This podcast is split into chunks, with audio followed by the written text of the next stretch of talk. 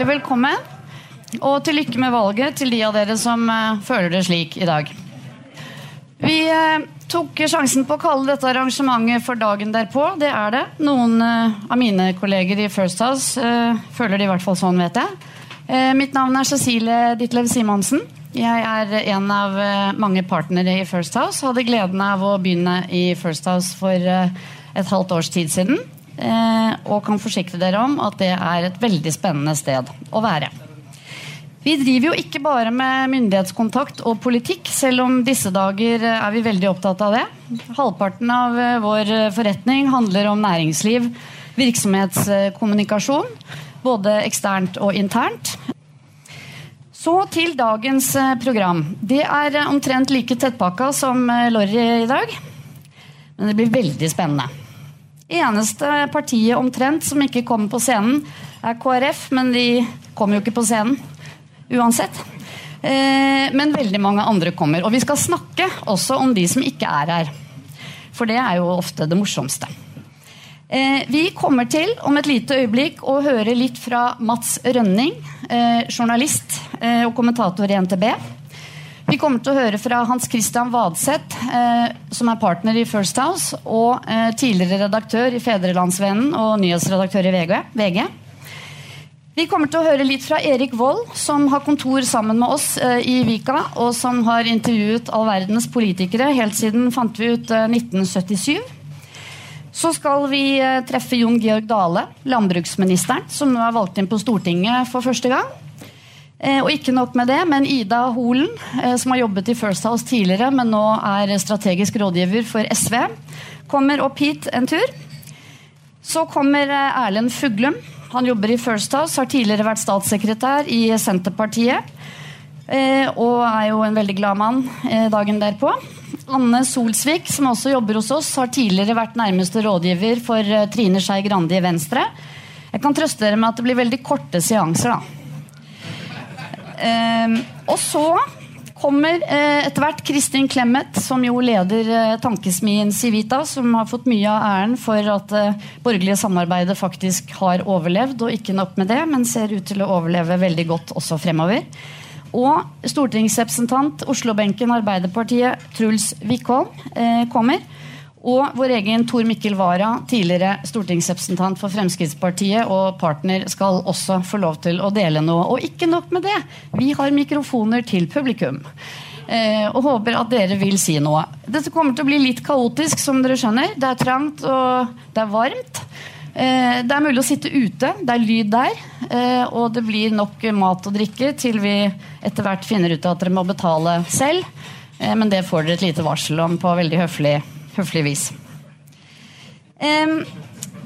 Jeg begynner med å ønske velkommen eh, opp hit på podiet. Det er jo flere av gjestene som har ønsket å stå her for å kunne spise litt, men det, det var, gikk ikke. Eh, men aller først eh, Mats Rønning fra NTB og Hans Christian Vadseth fra First House.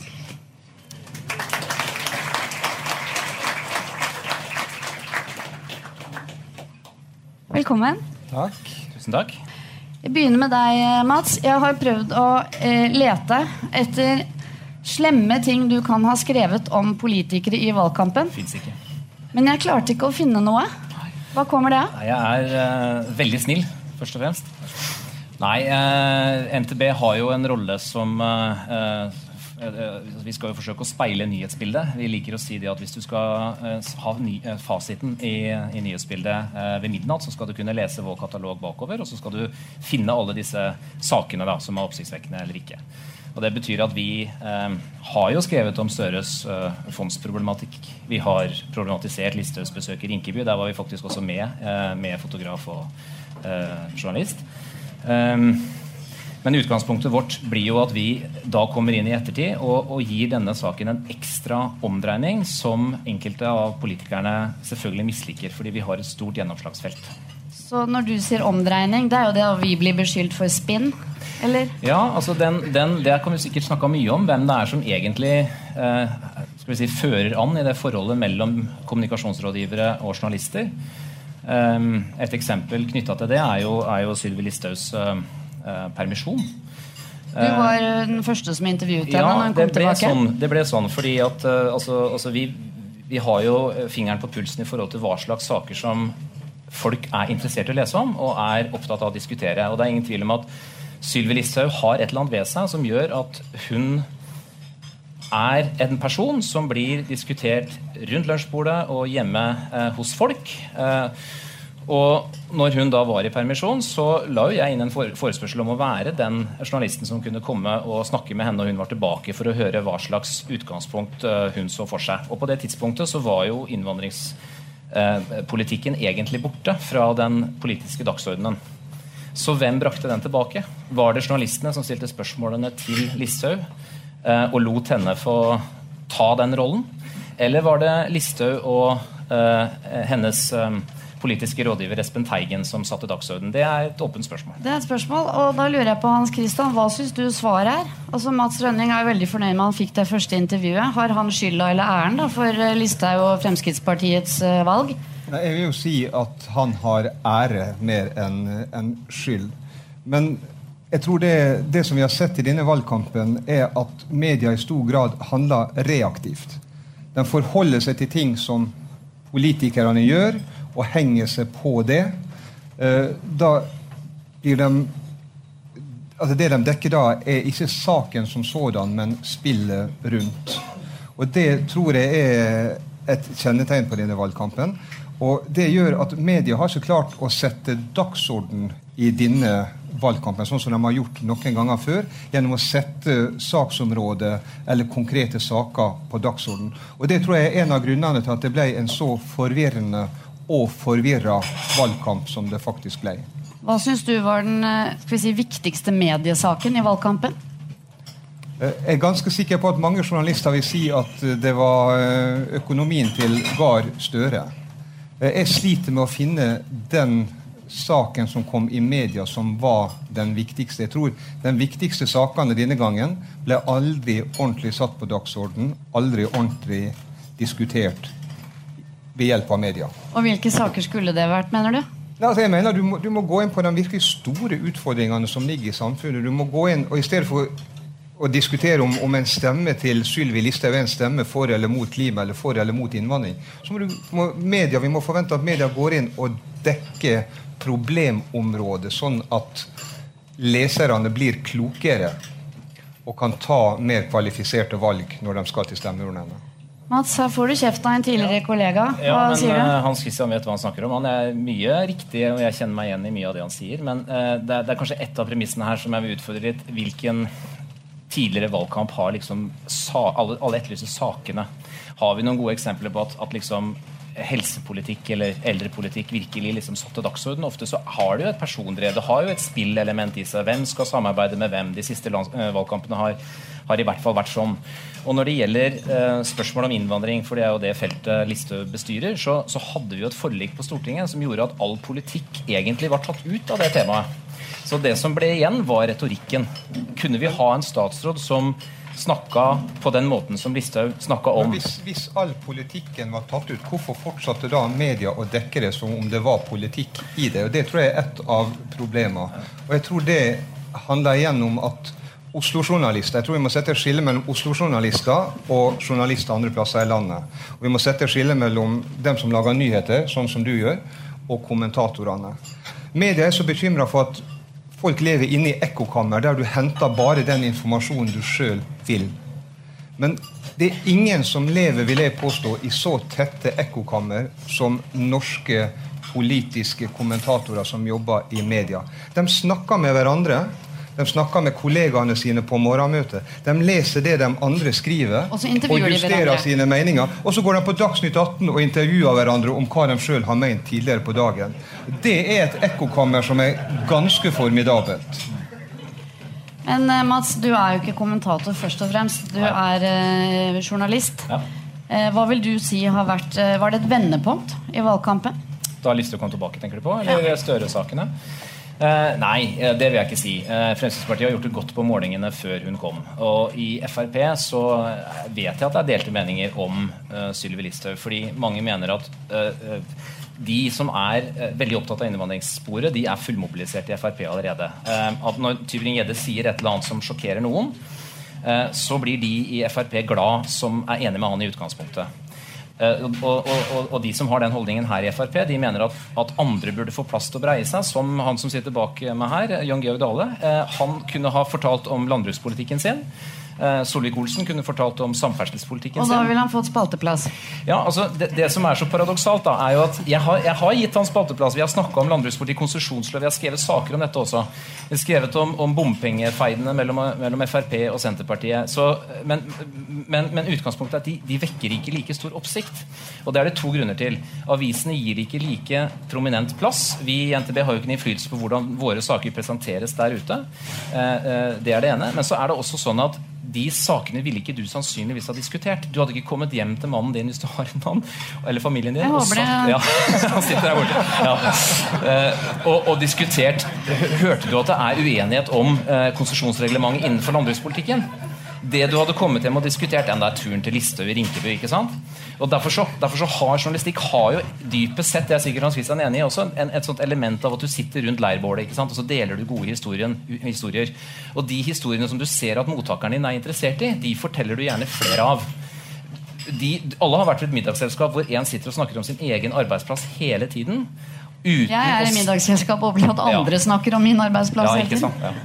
Men, men, poenget er at det er mye lettere å holde dette, denne samtalen gående hvis man ser at man får en respons hos mottakeren. Og det er jo det man uh, alltid opplever med Listhaug. De sakene uh, Av en eller annen grunn hun har, Jeg har noen tanker om det også, hva det er hun gjør. Uh, men, men hun får en oppmerksomhet som er få, om noen andre politikere i Norge forunt. Men, men, men nå, nå, nå, snakker jo du som om at det å få oppmerksomhet i seg sjøl blir et nyhetskriterium. Mm. Og det, det, er jo nesten grenseløst hvordan du da kan utvikle det. Mm.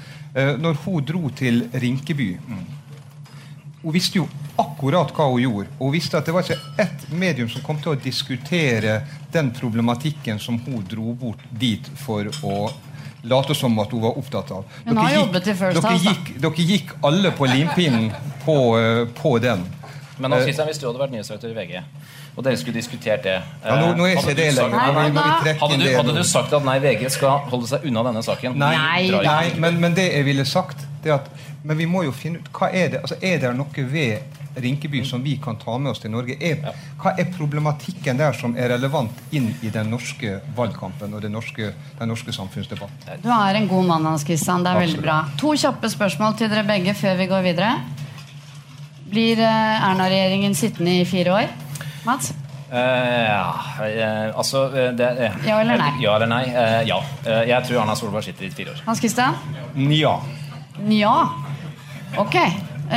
det var en ny Men og andre spørsmål. kommer Jonas Gahr Støre til å trekke seg?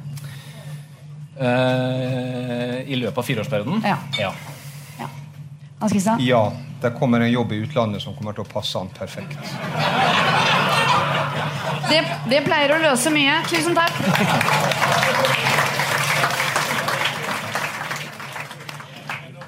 Vi um, går videre i, uh, i programmet. Um, og eh, etter hvert nå så skal det bli anledning for eh, folket her også til å stille spørsmål. Men før vi kommer så langt Erik Vold og ikke nok med det, Geir Helgesen, som også er kommet en tur.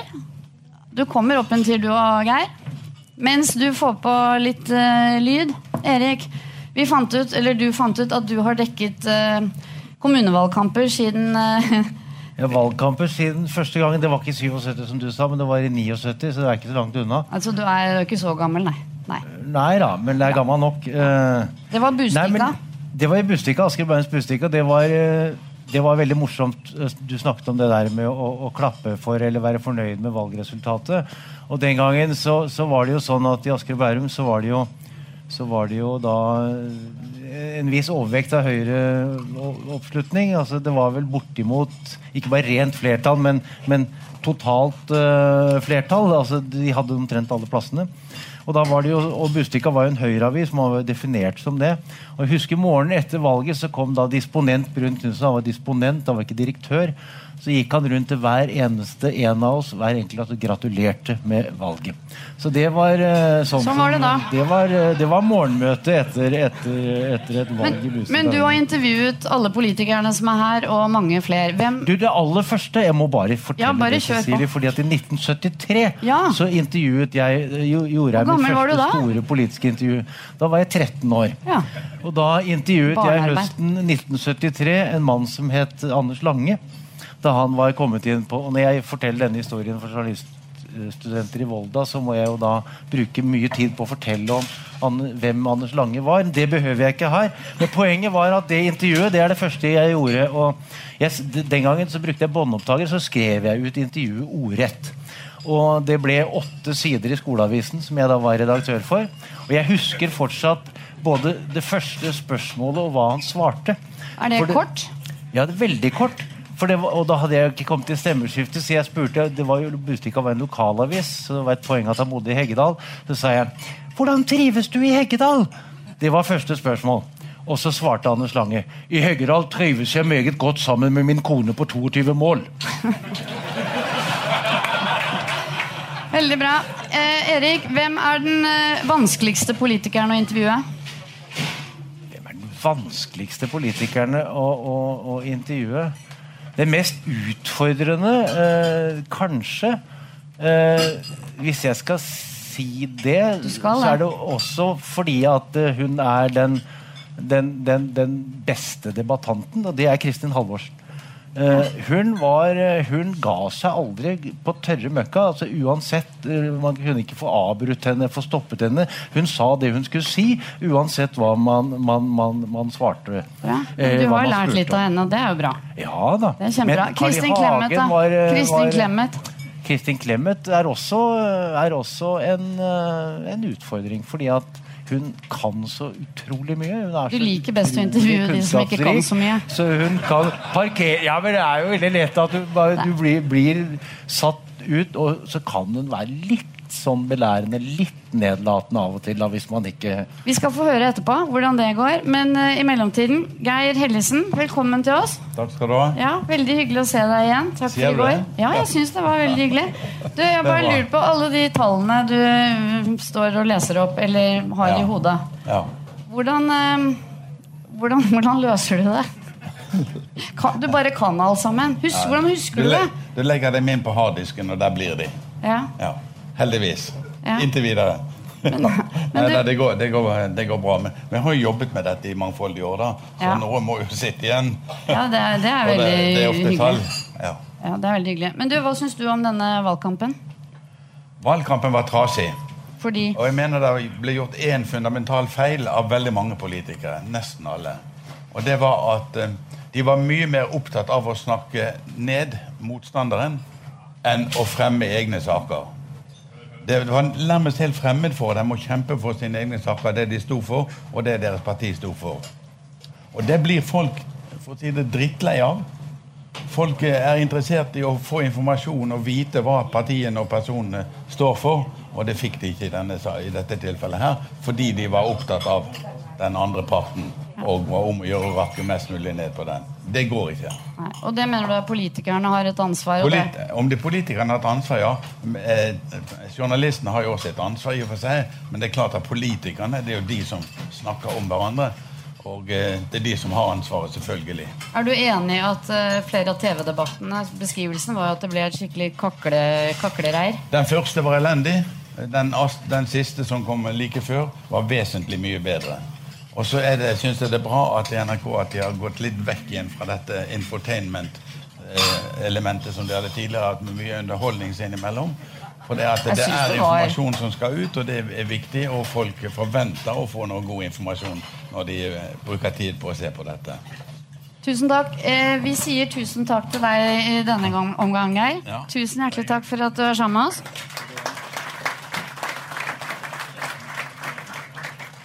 Da er det hyggelig å kunne ønske velkommen landbruksminister Jon Georg eh, Dale fra Fremskrittspartiet og Ida Holen, som representerer eh, SV, eller som Per Høiby sa, hun som bidro til å skape gull av gråstein.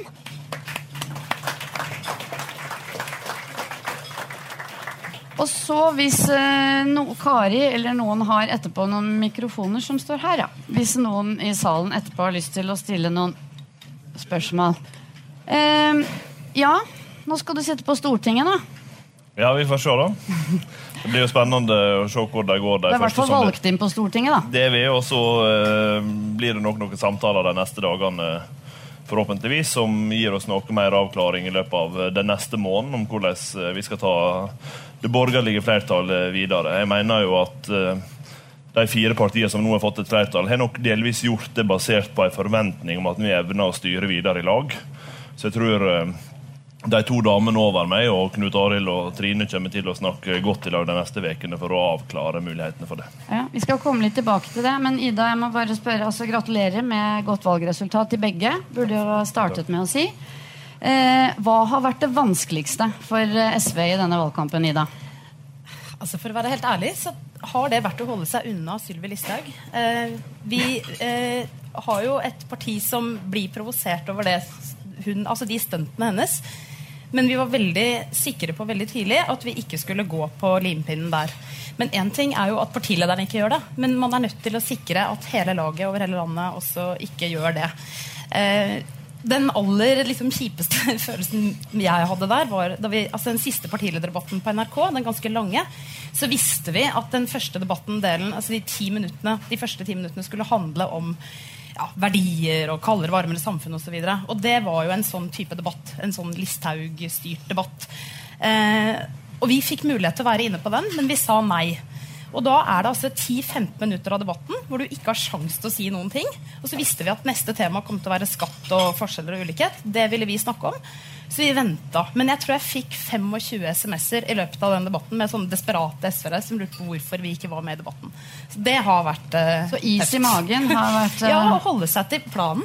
Ikke bryte strategien selv om du blir så provosert at du holder på å dø på deg. Hva sier du når du hører dette? Jeg Kan jeg kalle deg Goggen? Alle Ja, kaller det- deg det. det er lov, det. Ja, ja. Jeg har aldri hørt det før Erna kalte meg det for øvrig, men uh, det er, det er lov. Um, jeg tror jo at um, det som vi og SV har hatt felles denne valgkampen, er ønsket om å snakke om egen politikk, egne politiske løsninger. Og jeg tror Det er litt av suksessfaktoren vår også denne perioden. Og så skjønner jeg for så vidt alle vurderingene som er løpende. Vi har også hatt litt av dem. Vi har jo hatt massive angrep eh, på oss på de samme problemstillingene. Men har prøvd å snakke politikk. Og jeg tror velgerne til sjuende og sist er opptatt av det. Norske, det norske folk følger med på politiske debatter fordi de er ute etter ny informasjon fra dem. Hvis det bare blir kjekling, hvis det bare blir politisk spill, så gir det veldig liten verdi. og Det tror jeg er en av de tingene som jeg syns SV har vært gode på i denne valgkampen, som vi har prøvd å gjøre best mulig. Det å snakke innhold i politikken der de andre snakker om spillet. Og jeg mener jo at valgresultatet fra i natt indikerer at det har fungert. Nå gir altså Goggen deg et kompliment. Vil du gi Fremskrittspartiet et tilbake, eller sitter det langt inne? Nei, det, det er ikke vanskelig å gjøre i det hele tatt. Også et parti som er i regjering for første gang, og som er spådd nord og ned. Jeg vet jo hvordan det er å bli spådd nord og ned, for å si det sånn. Eh, og som klarer å reise kjerringa og, og eh, gjøre et så godt valg, det må man bare bøye seg i støvet for. Det er utrolig imponerende. Eh, hva blir det viktigste og vanskeligste nå i dagene og ukene fremover? Det er, eh, altså dere har et eh, Kristelig Folkeparti som sier de ikke vil støtte en regjering som eh, Fremskrittspartiet, Fremskrittspartiet er med i. Hvordan skal dere løse dette? Jeg tror, jeg tror det viktigste og vanskeligste det er at vi har hatt en valgkamp bak oss nå som til tross for at det har vært litt trøbbel på underveis i disse fire åra bak oss, så har vi klart å samarbeide godt i fire år. Og så har vi en valgkamp som polariserer alt. Det vil det alltid gjøre. Så nå handler det egentlig om å greie å samle trådene igjen og se på hvordan vi kan utvikle det mandatet vi nå har fått eh, videre. For det, jeg tror veldig mange eh, i Frp i hvert fall kjenner veldig på det. Vi har gått til valg på å ha styrt. Vi har gått til valg på alle fire partier. Uh, sørge for en borgerlig regjering. Så vi har fått et mandat til det, og da kan ikke vi skusle det vekk. Og det gjør at Den viktigste utfordringa de neste ukene er å samle de trådene igjen nå. Etter en valgkamp som alltid vil uh, medføre en viss dynamikk, for å si det litt uh, forsiktig. Bra. Er det noen som har lyst til å stille spørsmål til eh, landbruksministeren eller eh, SV-rådgiveren Ida Holen? Der er et spørsmål. Et spørsmål til eh, landbruksministeren. Hvor sannsynlig er det at du fortsetter som landbruksminister? Det er makta som rår, og den er Erna og Siv som sitter på eh, foreløpig. Så det er umulig å si. Men jeg mener jo at, at det valgresultatet vi har gjort eh, på landsbasis nå, gir gode muligheter for at vi fortsetter i regjering. Det er tross alt det viktigste. Ikke helt Jeg- sikker på om det var svar på spørsmålet. Nei, men så kommer jeg til det nå. Jeg kommer til det nå. Eh, og jeg, jeg mener ærlig talt Vi satt uh, i, før valg Eller før resultatene kom i går og lurte på berga vi mitt andre mandat i Møre og Romsdal. Det er, var langt viktigere for meg og det var langt viktigere for Frp at vi berga det borgerlige flertallet. Og det er det som tross alt er viktig nå. Det å rydde av det av banen. Hvis jeg får være med videre, så er det veldig kjekt. Men dette styrer Erna Siv. Var jo Møre og Romsdal var vel eneste fylke i tillegg til Finnmark hvor det gikk frem. Ja, Rogaland i tillegg, men vi, vi går mest fram i Møre og Romsdal. Ja, selvfølgelig. Rogalendingene også er bra grein på. Ja. så det... Ja, det er veldig bra. Er det flere spørsmål til, eh, til dette panelet? Da har jeg to kjappe til dere også. Eh, hvor, hvor ivrige kommer dere til å være til å kaste regjeringen, Ida? Sjefen Vi din skal er ikke gjøre det lett for dem, det kan jeg bare si. Det, men, Du er langt mildere enn andre. ja, det, er, det er jobben min å være. Nei, vi skal bruke, vi skal bruke hver stemme vi har fått på eh, ja, lage bøll i Stortinget. Det kan jeg love dere. Så det blir gøy. Vi skal bruke hver stemme vi har fått på å styre landet. Åh. Vi lar det være siste ordet.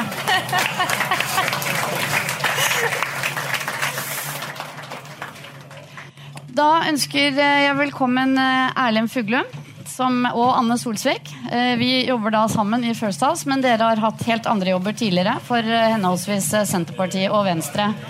Eh, Du felte nesten en tåre i går, Anne, da du skjønte at eh, sperregrensen var i orden. Ja, jeg tror nok eh, det er vanskelig for folk å forstå hvor eh, krevende det er å jobbe opp mot den sperregrensa hele tiden.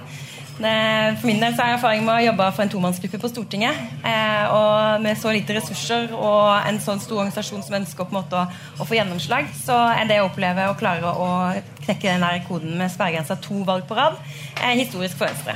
Så det var stort. Jeg venta ganske lenge før jeg slapp jubelen løs. Det må innrømmes. Mens du Arlen, har gått rundt og plystret på kontoret i dagevis og sagt 'snart er vi kvitt dem'. Men eh, der tok du feil. Hva tenker du om det? Jeg tenker at det er selvfølgelig et eh, enormt antiklimaks for Senterpartiet det valget her. Eh, I hvert fall på kort sikt så er det det. Fordi at på den ene sida så har du gjort det eh, beste valget på 24 år. Eh, Hvis du ser bort fra EU-valgene, så er det det beste i nyere tid. Eh, samtidig så, så, så var du så nært å komme tilbake i regjering, eh, og klarte det ikke. Og Sånn sett blir det selvfølgelig et enormt antiklimaks for eh, hele partiorganisasjonen, for ledelser. Eh, og fordi eh, Senterpartiet er et parti som er ekstremt opptatt av å gjennomføre politikk. da. Det er jo litt forskjell på partiene. Noen er mer glad i å være opposisjon nesten enn å være med å styre. Eh, Senterpartiet er ekstremt opptatt av å styre.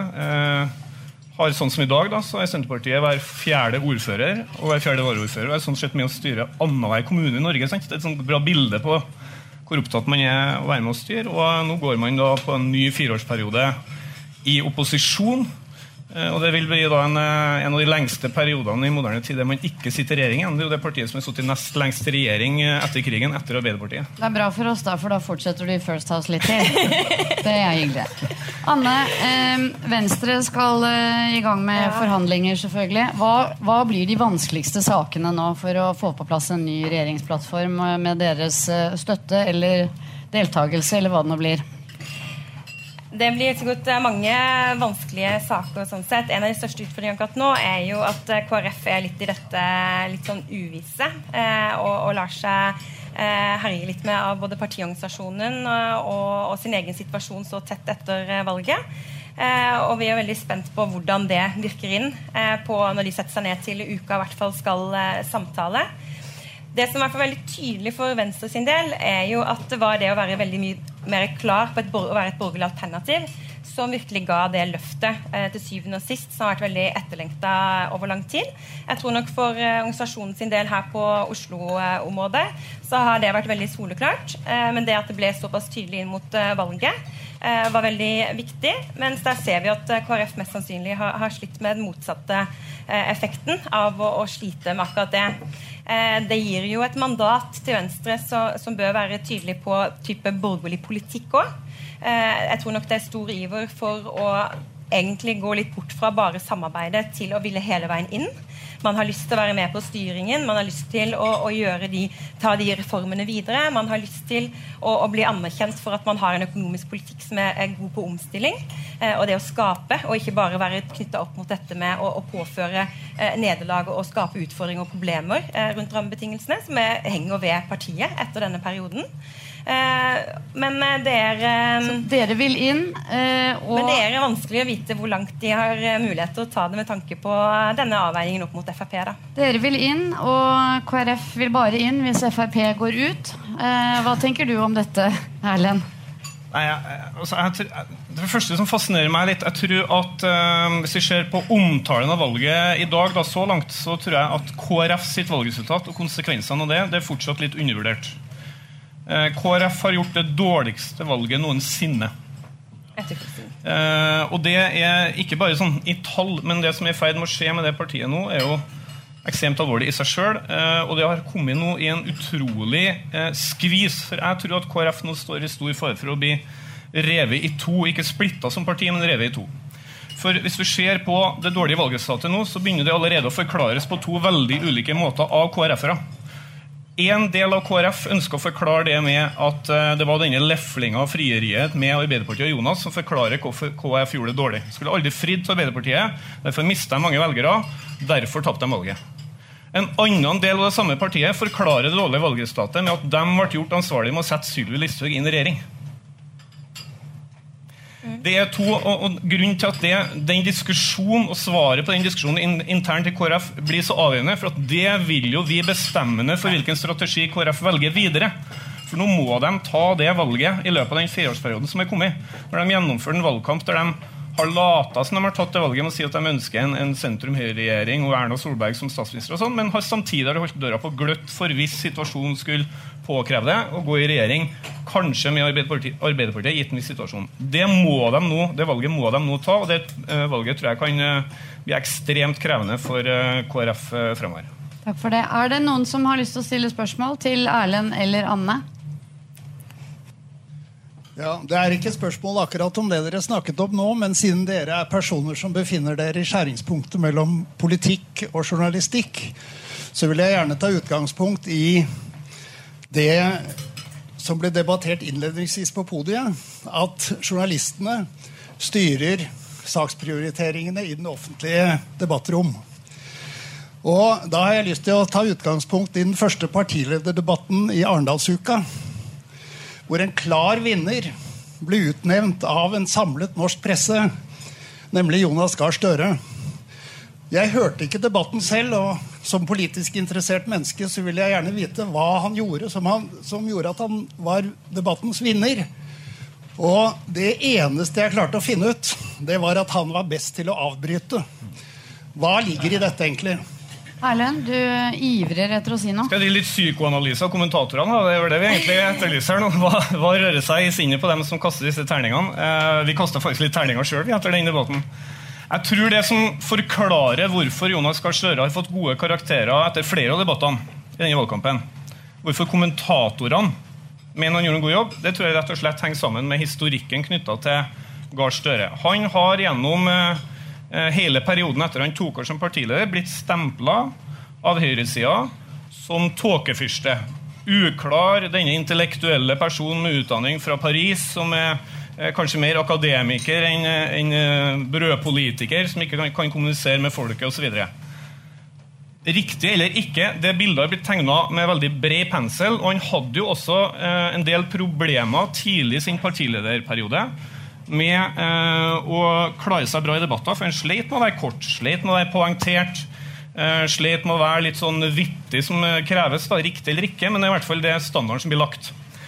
Det var premissen som var der. Og den Gahr Støre vi så i debattene etter sommerferien i år, var en veldig annerledes Gahr Støre eh, i debattform, for å si det sånn. Det var en person som var mye mer tenkt, mye mer poengtert, eh, mer spissformulert, og som du sa, avbryt veldig masse. Men syns du det var vellykket? Nei, men det er det som er eh, poenget. For at eh, jeg tror at eh, han sånn sett tilfredsstilte kommentatorene sitt ønske og sin idé om hvordan en partileder skal debattere. Men jeg tror han bomma på hva eh, kanskje folk flest setter pris på. Eh, fordi at Etterlatt inntrykk eh, var ikke bare en person som var slagkraftig i debatter, det var også en person som er litt utidig, rett og slett, for å se på Trønderstad. Samtidig, bare sånn helt kort sist, for jeg tror vi skal ta Gahr Støre litt i forsvar. da, for at eh, Når det bildet var etablert på forhånd av tåkefyrsten, og du går inn i den mest avgjørende første valgkampen, stortingsvalgkampen som partileder Han skal, skal kaste Erna Solberg hvis han hadde framstått som tåkefyrste i den første debatten, da, riktig eller ikke, og kunne ha fått det stempelet, så hadde jo hans debattopptreden i seg sjøl ført til dette negative spiralen som likevel kom av målingene. Men da hadde hans egenskaper som partileder, som debattant, eh, tatt overskriftene i starten av valgkampen. Så jeg tror han på en måte var satt i klemma når han på mange måter ikke hadde noe valg. Eh, for å holde oppe motivasjon hos hans egne tillitsvalgte så var han nødt til å innta en sånn type form. Eh, Utfordringa er at uh, som vi ser nå, at uh, de klarte jo ikke å vinne stemmer på akkurat det. i hvert fall. Ikke på akkurat det. Anne, du skal få Ja. siste ordet. Men det som er ganske interessant å, å merke seg, er at det ble jo litt sånn fort avslørt at det var kommentatorene som syntes det var liksom på jubelen på dette, mens andre var litt sånn ok, dette var en litt sånn aggressiv og litt utidig type som egentlig var vokst frem med Jonas Gahr Støre i løpet av eh, sommeren. Og det interessante er at til og med liksom siste partilederdebatt eh, så fortsatte han med denne avbrytelsen. Han fortsatte å snakke litt oppå de andre, spesielt eh, på kvinnene. Og du så da til og med i natt i direktesendingen fra Vandrehallen, så la han seg oppe og begynte å snakke ved siden av og tyske og hviske. Og videreføre denne type teknikken som avbrøt og la seg som en sånn litt sånn eh, utidig type som var der på sidelinja. Eh, og det at ikke han nødvendigvis har justert seg, selv om han fikk det bruddet, som sikkert eh, var vel så viktig for han akkurat der og da under Arendalsuka, så videreførte han en sånn type eh, personlighet eh, i det galleriet som ikke nødvendigvis jeg tror at eh, folk har nikka så fryktelig mye til eh, gjennom valgkampen. Et eller annet har i hvert fall eh, gått galt. To kjappe spørsmål, ett til hver av dere. Eh, Anne, eh, Erna-regjeringen blir sittende i fire år. Er du sikker på det? Nei. Du er ikke sikker på det. Erlend, har du et annet svar? Nei, vi er enige i det. Dere er enige? Så bra. Tusen takk skal dere ha.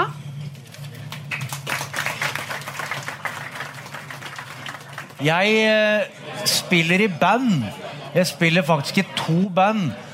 Allikevel så er jeg sånn at hvis jeg er ute et sted, eh, og det er et band som står på scenen og spiller, så må jeg opp og bidra. Og akkurat sånn er det også med debatt. ikke sant? Hvis det, er, hvis det foregår en debatt på en scene, ja, så må jeg opp og blande med. Og derfor så skal jeg nå få lov å forestå den neste sekvensen her fra scenen. Og ønsker velkommen Truls Wickholm, Kristin Clemet og Tor Mikkel Wara.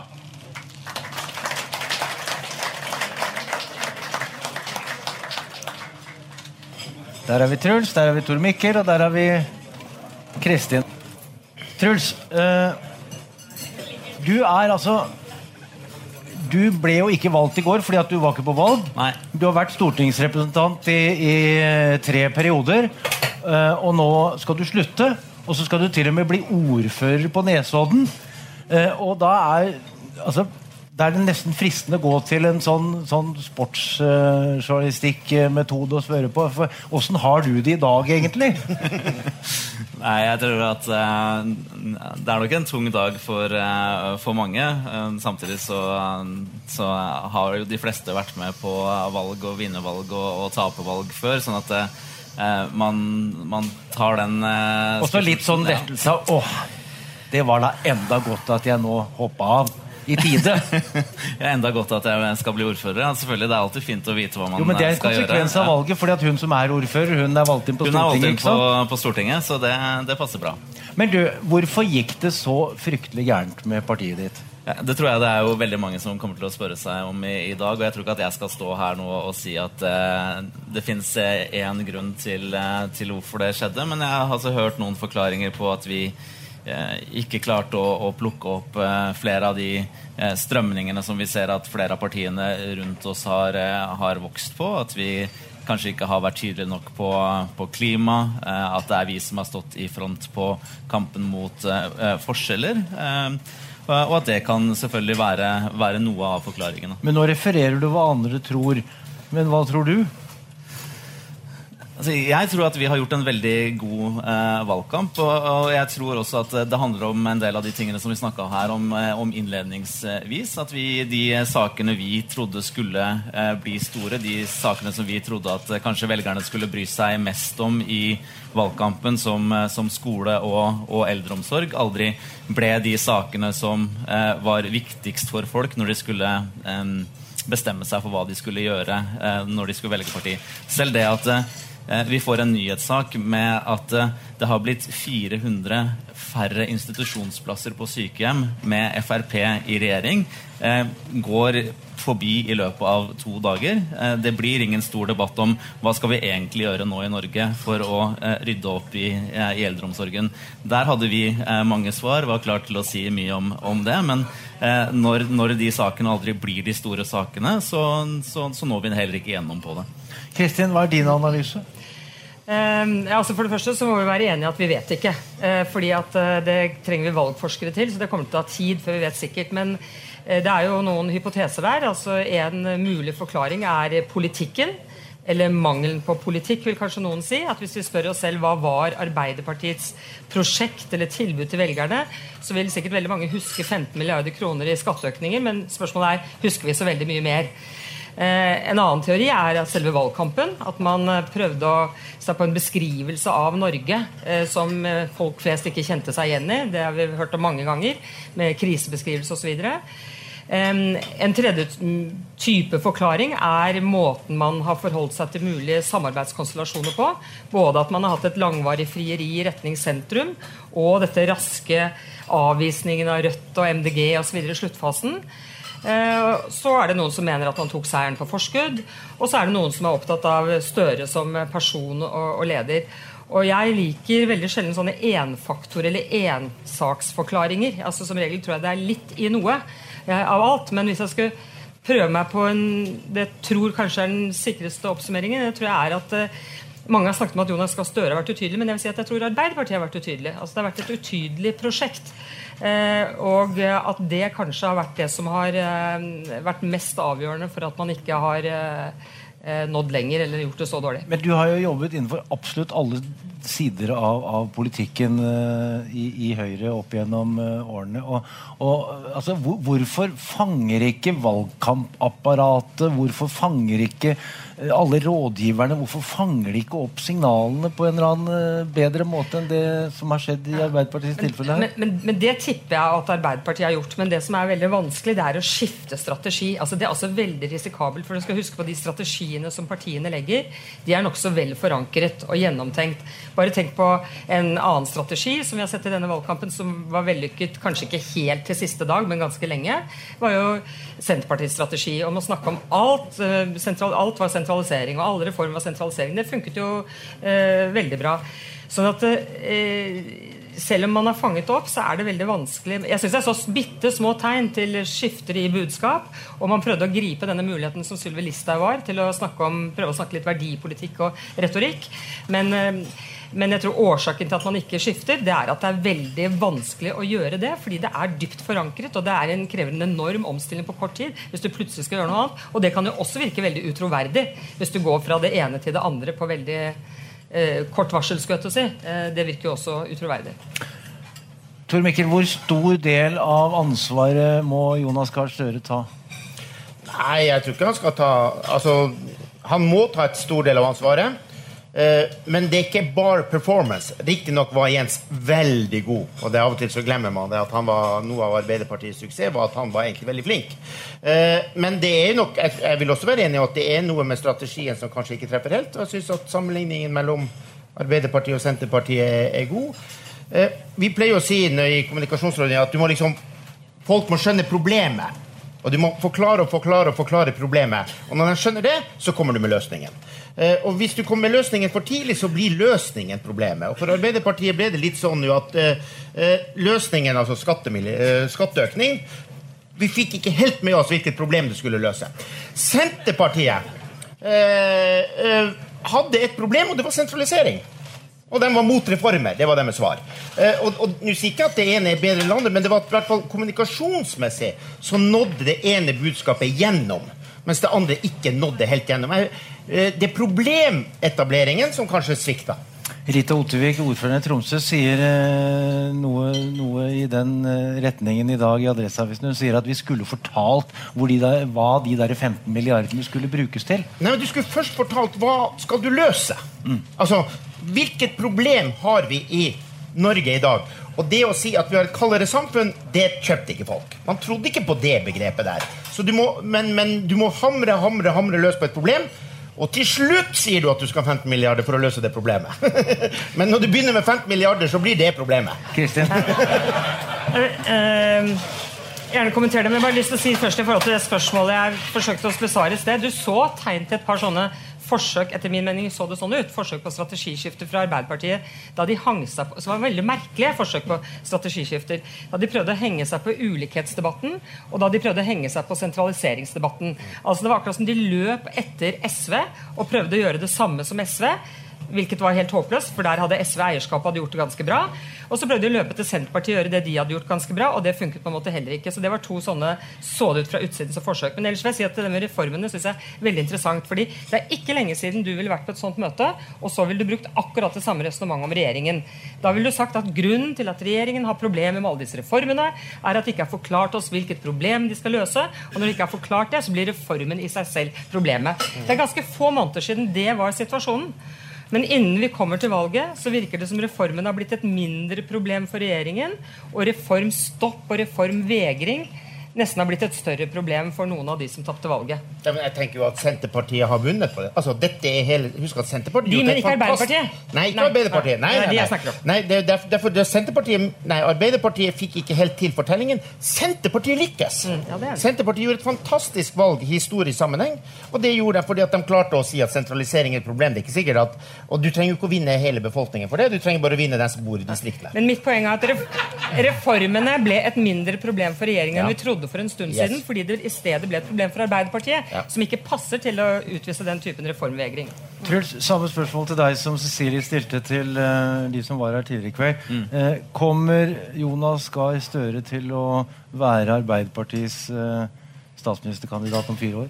Ja, det tror jeg han kommer til å, å være. Jeg tror at han er veldig innstilt på, på det. Og jeg tror at han også er altså, ikke minst den beste statsministerkandidaten om fire år, men jeg tror han er i en posisjon nå i Arbeiderpartiet hvor han er eh, best plassert for å kunne eh, ta oss videre igjen etter den, eh, det nederlaget som vi jo opplevde i går. Men om du hadde trodd noe annet, så kunne du ikke sagt det her. ikke Ja, sant? det er selvfølgelig helt riktig. Kristin?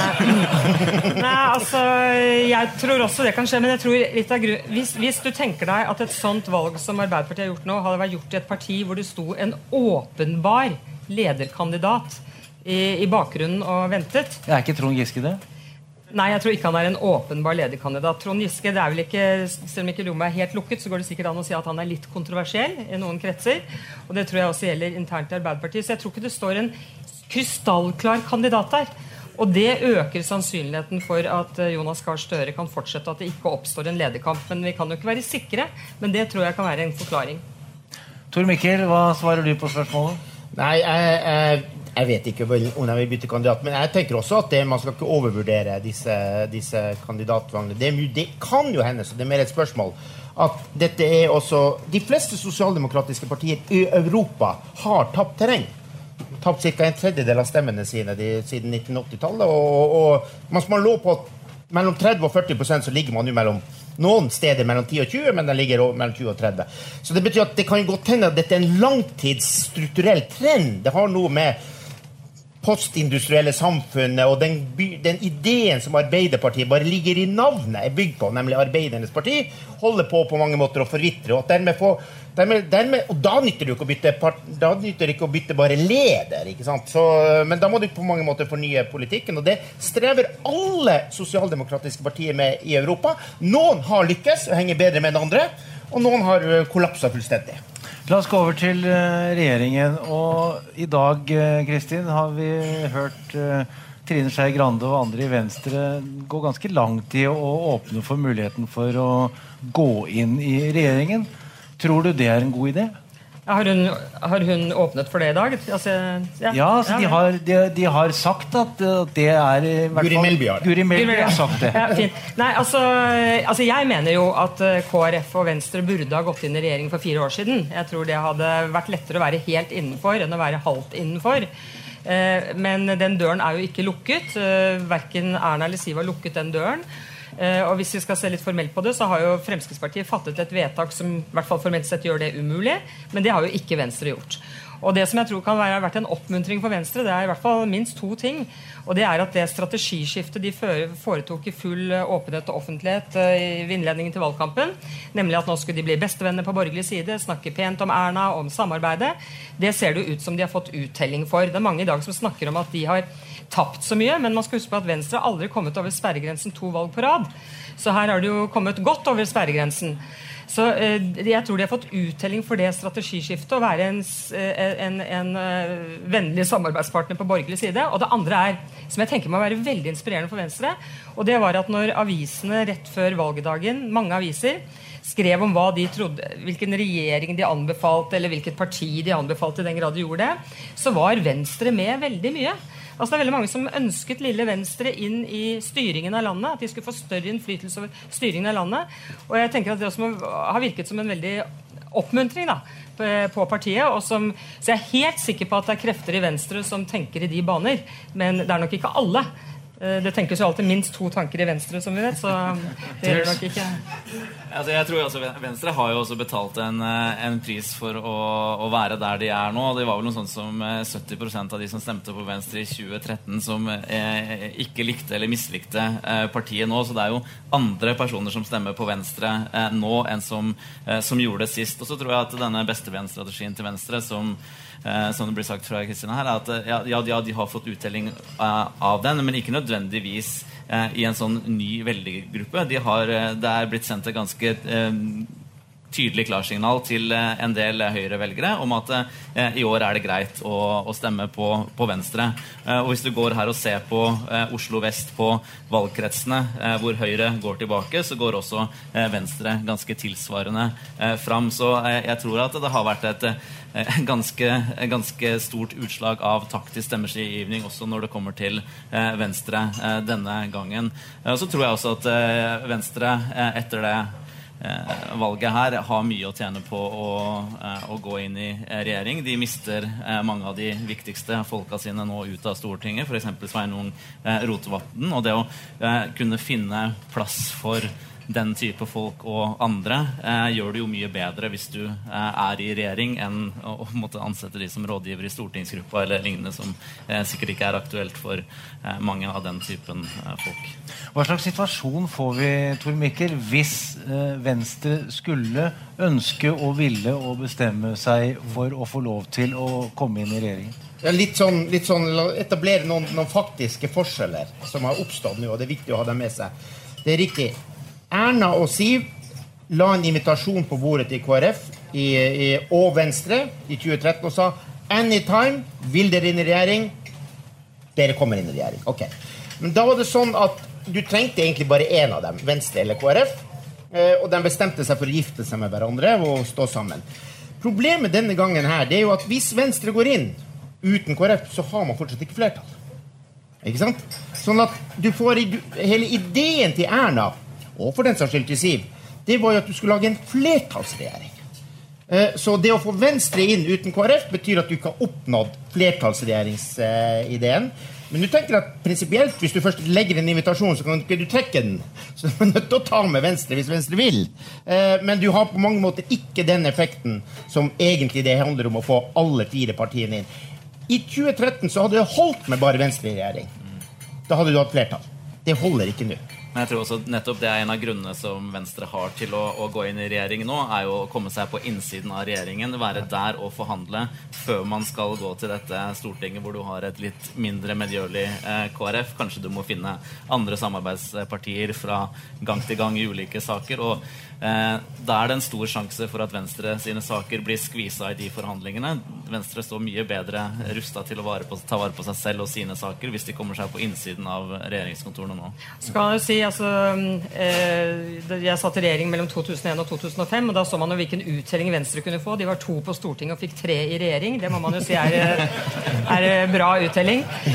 Men vi var jo en mindretallsregjering som trengte å møte eller få oppslutning fra ett annet parti på Stortinget.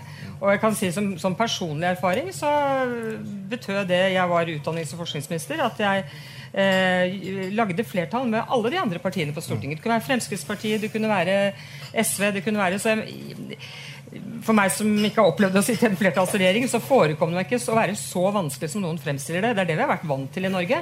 Å ha den eh, typen ja, Men vi så jo også i den perioden at det var et barnehageforlik helt uten regjeringen. Det var en transport, transportplansforlik helt uten eh, regjeringen. sånn at eh, man er jo også potensielt sett i en vanskeligere situasjon når man ikke har så mange venner i Stortinget som man har hatt nå. Ja, altså det, det, det ser selvfølgelig mer kaotisk ut på utsiden, men hvis man vil interessere seg for hvordan kaoset er på innsiden i en flertallsregjering, så vil jeg bare anbefale anbefale Kristin Halvorsens bok fra Stoltenberg II-regjeringen.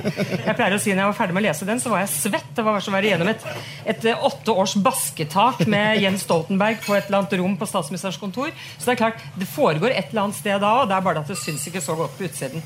Nå skal jeg stille ett spørsmål til Tor Mikkel, og så skal jeg stille et ja-nei-spørsmål til dere alle tre. og så skal vi være ferdige. Men Tor Mikkel, nå, nå jobber jo ikke First House uh, som, som, rådgivere for politiske partier. Men hvis du skulle vært rådgiveren til Knut Arild Hareide, hvilket råd ville du gitt ham nå? nå, er, nå, er, det vanskelig å si, men uh, fordi det er for sent.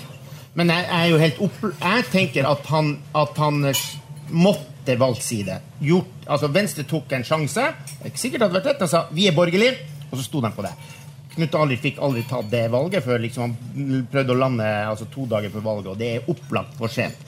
Det er den ene problemet. Det andre er jo at hvis du har lever av kristne velgere uh, så skal du da på mange måter lage en motstander, og så velger de seg av alle sammen den politikeren i Norge som har mest appell til kristne velgere, nemlig Sylvi Listhaug.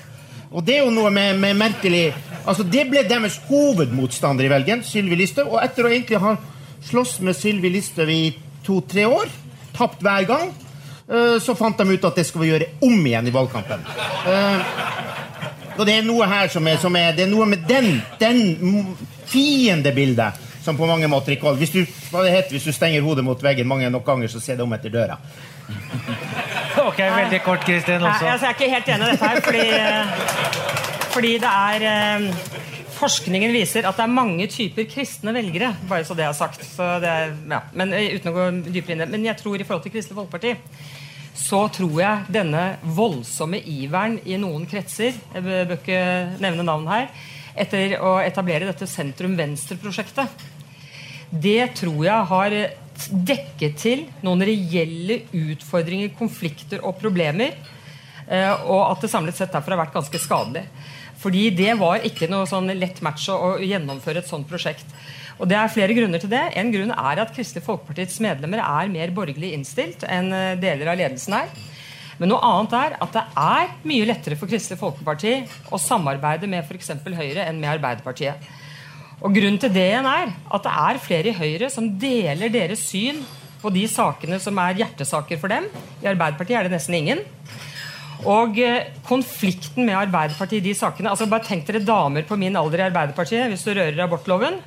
Altså, De blir ganske sinte. Sintere enn jeg blir, for å si det sånn. Sånn at eh, er, ja, ja, det, ja, men altså, poenget mitt er man har dekket til disse. Og når man så nå når dette på en måte ble lagt i grus, dette sentrum-venstre-alternativet, i hvert fall for lang tid, så så man hvordan LO-lederne gikk ut og feiret det nærmest, og hvordan det var jubelbrus i Folkets hus når disse partiene kom under sperregrensen. Så det prosjektet der det vet jeg ikke om har vært så veldig heldig for Kristelig Folkeparti. Så kommer ja-nei-spørsmålet. Det er det samme som Cecilie også stilte eh, tidligere i, kveld. Eh, og det er altså lyder slik. Blir eh, regjeringen sittende gjennom disse fire årene? Tor Mikkel først. Ja, det håper jeg. det vet jeg ikke. Det er umulig å svare på. Det var veldig oppklarende. Takk skal dere ha.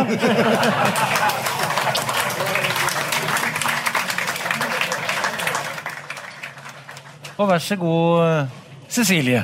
Tusen takk. Eh, Jeg skal bare runde av med å si tusen takk også til eh, dette panelet og til deg, Erik. Eh, Og så er dere jo ikke her for moro skyld, men det visste dere jo. Så jeg har bare lyst til å si at våre politiske eksperter stiller veldig gjerne i ledergrupper både her og der, enten for å gi politisk krasjkurs til ledere som kan spørre om ting på tomannshånd som de burde visst, men ikke tør å spørre om ellers. Eh, eller som gjerne vil ha eh, en litt dypere analyse av eh, politisk situasjon og konsekvenser for egen virksomhet eller bransje. Flere av dere har allerede bestilt det. Og vi har kapasitet til mer. Så er det sagt. Og så er vi glad for at dere er her. Kos dere, og bli for all del sittende så lenge dere vil. Takk for oss.